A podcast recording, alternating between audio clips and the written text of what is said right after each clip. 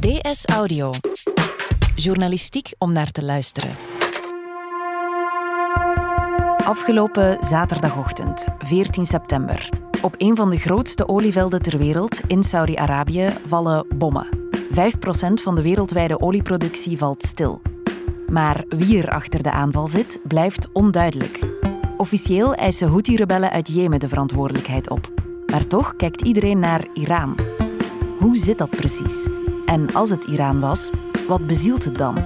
Mijn naam is Nele Eekhout. Het is woensdag 18 september en van op de redactie van De Standaard is dit DS Audio.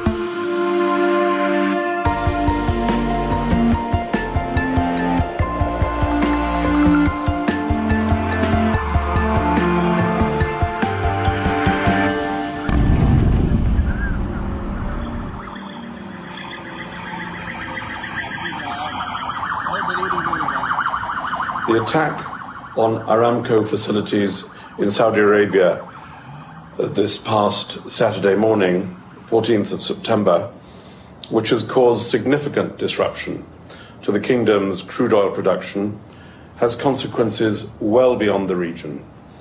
It's not entirely clear who was behind the, the attack.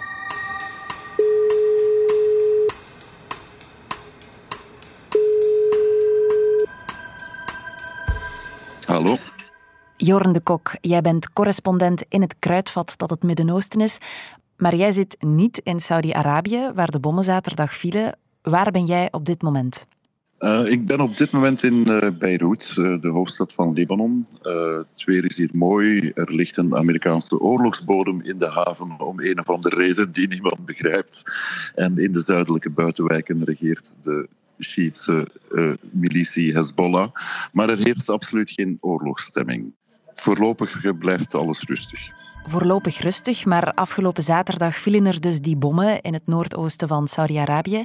En die doen de hele wereld even naar adem happen. Wat is er nu eigenlijk precies gebeurd? Wel, wat we weten is dat er een Saudische olieraffinaderij, een zeer groot Saudisch olieveld, is geraakt door bommen. En al de rest hangt nog een beetje in het duister en dat maakt het complex. Dus wat we weten is dat de helft van de Saudische olieproductie, die enorm is, dat is 10% van de wereldwijde olieproductie, dat de helft daarvan, dus 5% van de wereldwijde olieproductie, dat die zaterdagochtend na die explosies, dat die is stilgevallen. De grote vragen zijn van wie kwamen die bommen, van waaruit werd ze gelanceerd en wie zit erachter. En op alle drie die vragen hebben we eigenlijk nog geen eensluidend antwoord.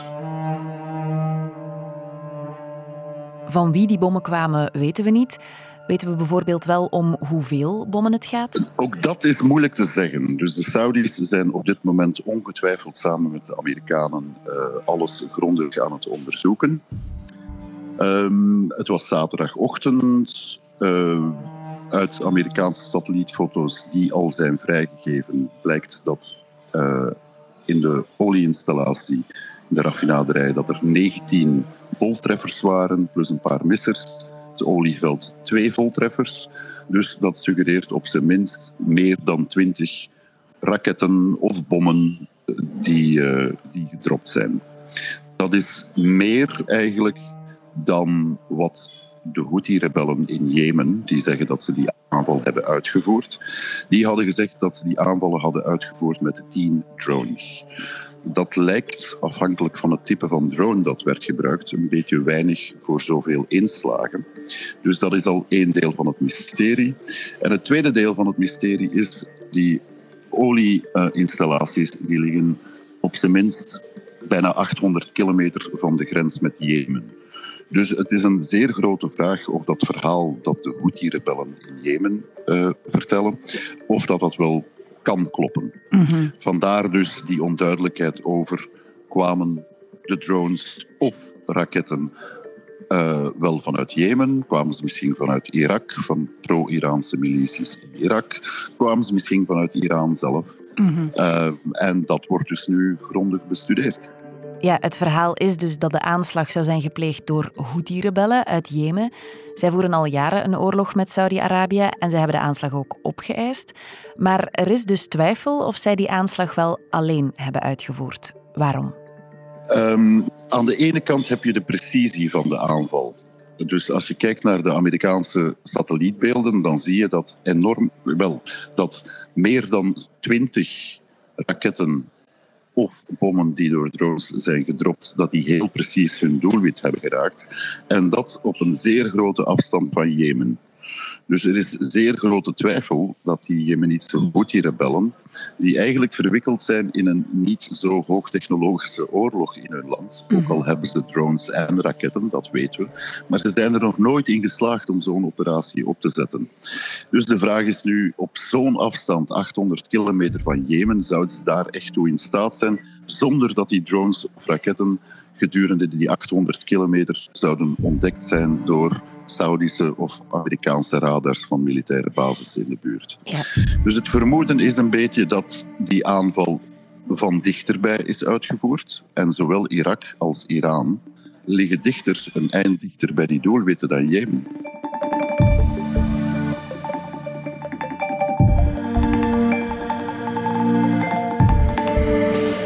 Some very strong studies done, but it's certainly looking that way at this moment. And Iran is responsible for the attack. Do you think that? I, I didn't say that. I, why do you say that? I said that we think we know who it was, but I didn't say anybody. But uh, certainly it would look to most like it was Iran, but I did not say it the way you said. Do you think it was launched from Iran? En dan wordt er naar Iran gewezen, een bondgenoot van de Houthis. Hoe hebben zij gereageerd op die aantijgingen? Uh, dat zij er uiteraard niks mee te maken hebben. Iran has denied any role in Saturday's attacks. Dat het een initiatief is van de Houthis, omdat die nu eenmaal tegen Saudi-Arabië strijden in, in, hun eigen oorlog in Jemen. Dat is redelijk voorspelbaar. Hè? Um, voor Saudi-Arabië en voor de VS, daar geldt vooral voor dat één Iran ook die Houthi-rebellen steunt. Iran wel het hoogtechnologische materiaal heeft, zelf ontwikkeld, dat dit soort van aanvallen kan uitvoeren. En dat het past binnen een, uh, ja, een decennia oude rivaliteit tussen Iran enerzijds en Saudi-Arabië, de VS en Israël anderzijds. Mm -hmm. Dus als, als Iran Saudi-Arabië en de VS wil raken, dan was dit de perfecte aanval. Die rivaliteit is al vele decennia aan de gang. En de jongste jaren ging dat over het kernwapenprogramma dat Iran volgens de VS aan het ontwikkelen was. De Staten hebben het altijd moeilijk gehad van ja, wat, wat, wat, wat moeten we dan doen tegen, tegen Iran dat zijn invloed aan het uitbreiden is in het Midden-Oosten. Iran was intussen al sinds twintig jaar volgens de VS aan een kernwapenprogramma aan het werken. En dat zou natuurlijk de ultieme nachtmerrie zijn. Uh, Ayatollahs met een, met een atoombom. Ja, Amerika heeft Iran jarenlang in toom proberen te houden met economische sancties. En toen kwam Obama. Ja, dus Obama heeft het dan over een andere boeg gegooid um, en gezegd van ja, we kunnen daar een akkoord over sluiten als jullie mm. je nucleaire programma afbouwen, onder bepaalde internationale regels zetten, dan heffen wij onze economische sancties tegen Iran systematisch op. After more than two and a half years of intense multilateral negotiations, the International Atomic Energy Agency has now verified that Iran has honored its commitments to alter and, in fact, dismantle much of its nuclear program in compliance with the agreement that we reached last July. Donald Trump heeft dan besloten in 2018 om uit dat akkoord te stappen. Alleen de Verenigde Staten zijn daaruit gestapt. En die economische sancties opnieuw te verzwaren. Never, ever, ever in my life have I seen any transaction so incompetently negotiated as our deal with Iran. And I mean never. Nu, volgens Trump is, is, is het zo dat het geld dat Iran verwierf door de opheffing van die sancties onder Obama, dat ze het toch maar gebruikten om hun invloed in het Midden-Oosten verder uit te breiden. Nu, uh, het probleem is natuurlijk, die nieuwe Amerikaanse sancties die doen Iran enorm hard pijn. Iran heeft een grote jonge bevolking, 60% is, uh, is jonger dan 30. Uh, heeft een grote bevolking, 80 miljoen inwoners, is arm aan water, heeft problemen om zijn, zijn grote rijkdom, namelijk zijn olie, te exporteren door die Amerikaanse sancties. Dus uh, Iran voelt zich sinds vorig jaar uh, in, een, in een hoek gedrongen door, uh, door Trump. En dus dan krijg je dus vlak voor de zomer een hele race van incidenten van eigenlijk van Iran dat wil tonen aan de VS van wij kunnen ook moeilijk doen als jullie die sancties niet terug opheffen. En dan zijn er dus explosies op olietankers die vanuit de Emiraten door de Perzische Golf varen, door de straat van Hormuz. Oil tankers were sailing through international waters southeast of the Strait of Hormuz when a fire broke out on board. This was followed by an explosion. Even duiden, de straat van Hormuz, dat is de zeestraat waar alle olietankers door moeten varen om olie vanuit de Arabische landen naar de rest van de wereld te transporteren. Dan zijn er tankers die plots mysterieus in Iraanse wateren belanden en, en door de Iraanse revolutionaire garde in uh, beslag worden genomen. Uh, dus het was het ene incident na het andere, maar het leek eigenlijk te bekoelen. Mm-hmm. Uh, daarom dat deze aanval van zaterdag dan toch eigenlijk als een verrassing komt. Iedereen kijkt nu gespannen toe of deze laatste aanval niet op een echt grote escalatie zal uitdraaien. Maar wie heeft het meeste te winnen of te verliezen bij zo'n oorlog? Uh, dat is een zeer goede vraag die heel eenvoudig te beantwoorden is. En, uh, iedereen heeft alleen maar dingen te verliezen. Precies omwille van die grondgenootschappen van Iran met Shiïtse milities in Irak, met het regime Assad in Syrië, met de Hezbollah in Libanon, met de Houthi-rebellen in Jemen, gaat dat nooit een kleine oorlog op één front blijven. Mm-hmm. Aan de andere kant heb je Amerika en Israël. Uh, en Saudi-Arabië en de Emiraten. Dat is ook een zeer grote coalitie. Dus het, eigenlijk het rampscenario dat nog Iran, nog de Verenigde Staten en eigenlijk niemand wil, is dat, je, dat een, het begin van een oorlog leidt tot een escalatie in, in de hele regio. En dus dat je zit met een, een oorlog, een nieuwe oorlog tussen Hezbollah en Israël aan de ene kant, Shiïtse milities in Irak die die Amerikaanse basis aanvallen.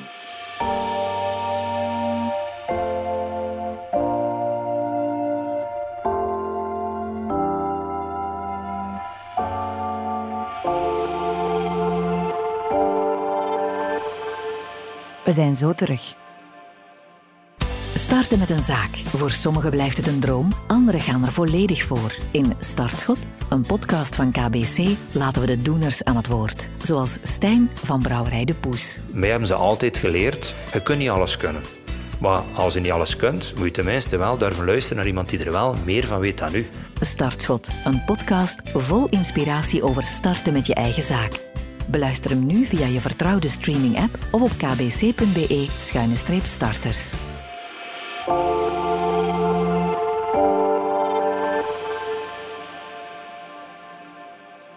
Jorn, een escalatie in de regio zou een ramp zijn. Je zei net ook dat deze aanval als een verrassing komt.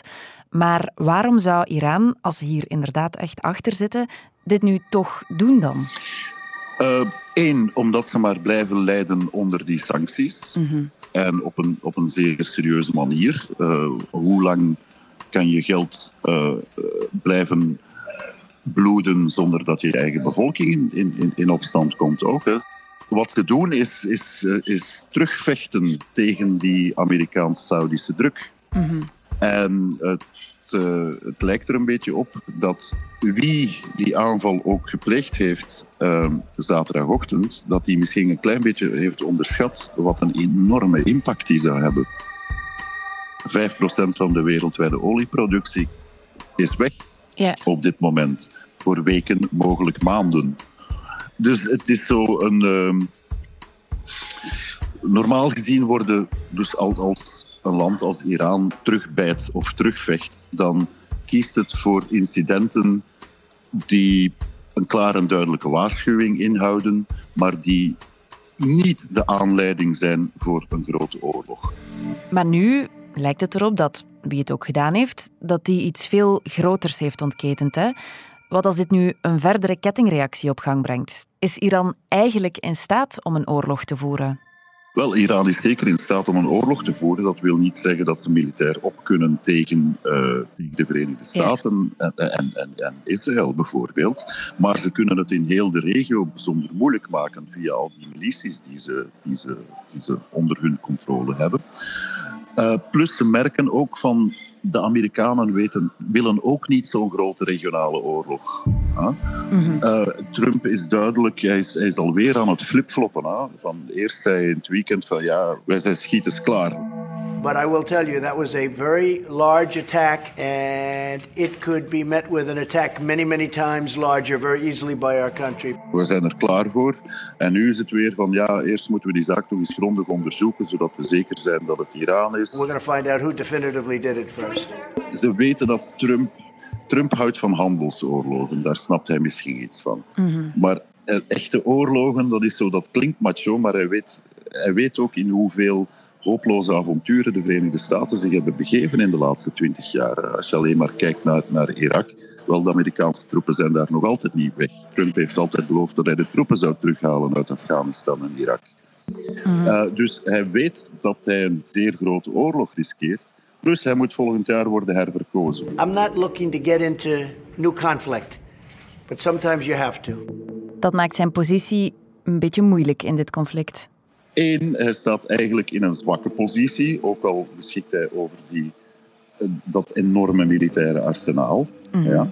Maar twee, Trump is ook niet de grote strateeg. Dat merk je dus ook weer aan die flipflopperij van hem. Van de ene ochtend denkt hij van, we gooien alles plat. En een uur later denkt hij van, ja, maar dat is misschien slecht voor de wereldeconomie, dus is slecht voor de Amerikaanse economie en dan raak ik misschien niet herverkozen.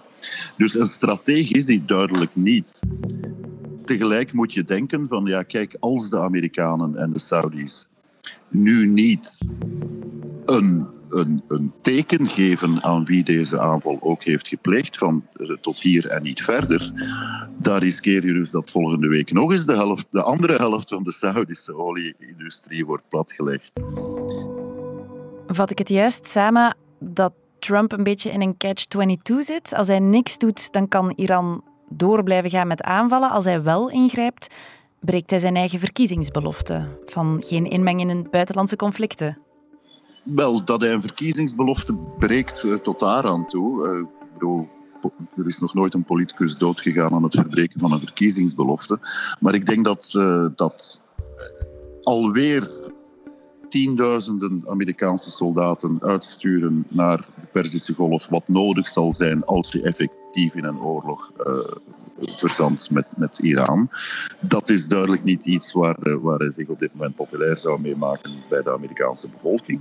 Maar plus, je zit met de, de, de mogelijk enorme impact op de wereldeconomie, dus op de Amerikaanse economie. Dus er is, er is, het is inderdaad een beetje een catch-22. Uh, er is voor hem geen goede kant aan. -hmm. En laten we niet vergeten dat hij dit mede gecreëerd heeft door uit het nucleair akkoord te stappen. Mm, en wat kan hij dan nu nog doen?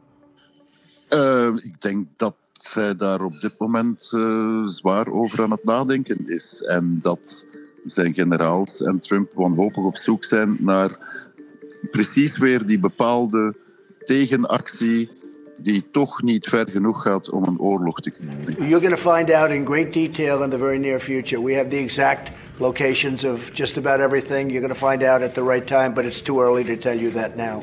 Je ziet dat hoe langer hoe meer in de laatste paar maanden. Uh, onlangs had je nog een gelijkaardig conflictje tussen de Shiïtse Hezbollah, die pro-Iraans is in Libanon, en Israël, waarbij dat ze elkaar even begonnen te bestoken. En allebei zeiden van ja, we zijn wel op elkaar aan het schieten, maar we willen geen oorlog. Mm -hmm. Dus er is heel veel schaduwboksen bij. Maar natuurlijk is er wat zaterdag is gebeurd. Net, dat is net dat maatje te groot om nog te spreken van schaduwboksen. Ja. Dus de reële impact is te groot om dit te kunnen negeren. Dus je zit echt wel op dit moment met, je zit wel een, stap, een serieuze stap dichter bij een, een mogelijk echt ernstig conflict. De Verenigde Staten zitten dus in een heel lastige positie. En wat is de reactie van Europa tot nu toe? De reactie van Europa is, is uh, dat ze willen afwachten tot er meer duidelijkheid is over wat er zaterdag is gebeurd. Europa is daar altijd wat voorzichtig in. De belangrijkste reactie van Europa lijkt mij nog altijd het initiatief te zijn van president Macron van Frankrijk om zeer actief met de Iraniërs te onderhandelen om te zien of dat het nucleaire akkoord op een of andere manier kan worden gered. Et l'essentiel est aujourd'hui, à mes yeux, de sauver l'accord nucléaire et de créer les conditions d'un dialogue utile avec l'Iran. Uh, en in ruil dat Europa dus ja, eigenlijk de Iraanse economie helpt om ermee bovenop te komen. Uh, dat is iets waar de, de, de, de Ayatollahs ook voor openstaan. Maar je kan je natuurlijk afvragen, uh, ja, hoe lang kan je daar blijven over onderhandelen? Wat kan je de Iraniërs uh, bieden ehm, zonder in je eigen veld te beginnen snijden? Ik denk in dit geval dat Macron in de komende weken in overdrive zal proberen te gaan om de Iraniërs aan te zetten tot een fatsoenlijk voor beide aanvaardbaar akkoord. Ehm, maar uh, terwijl er in de achtergrond in, in zijn straat wordt geschoten, hè, bij wijze van spreken. Dus die oorlog komt dichterbij en er moet dringend iets diplomatiek uit de bus komen. Uh, hoogdringend. Jorn de Kok, dankjewel. Dag. Dit was DS Audio. Wil je reageren? Dat kan via dsaudio.standaard.be. In deze aflevering hoorde je Jorn de Kok en mezelf, Nele Eekhout. Eindredactie werd gedaan door Anna Korterink. Joris van Damme en Brecht Plasgaard deden de audioproductie. Brecht Plasgaard schreef ook de muziek die je hoorde in deze podcast. Chef audio is Wouter van Driessen. Vond je deze podcast interessant? Weet dan dat je er elke werkdag één kunt beluisteren. Dat kan via de DS Nieuws app of via standaard.be-audio. Je kunt je ook abonneren via iTunes, Spotify of de podcast-app van je keuze. En als je daar dan toch bent, schrijf gerust een review. Zo toon je ook anderen de weg. Morgen zijn we er opnieuw.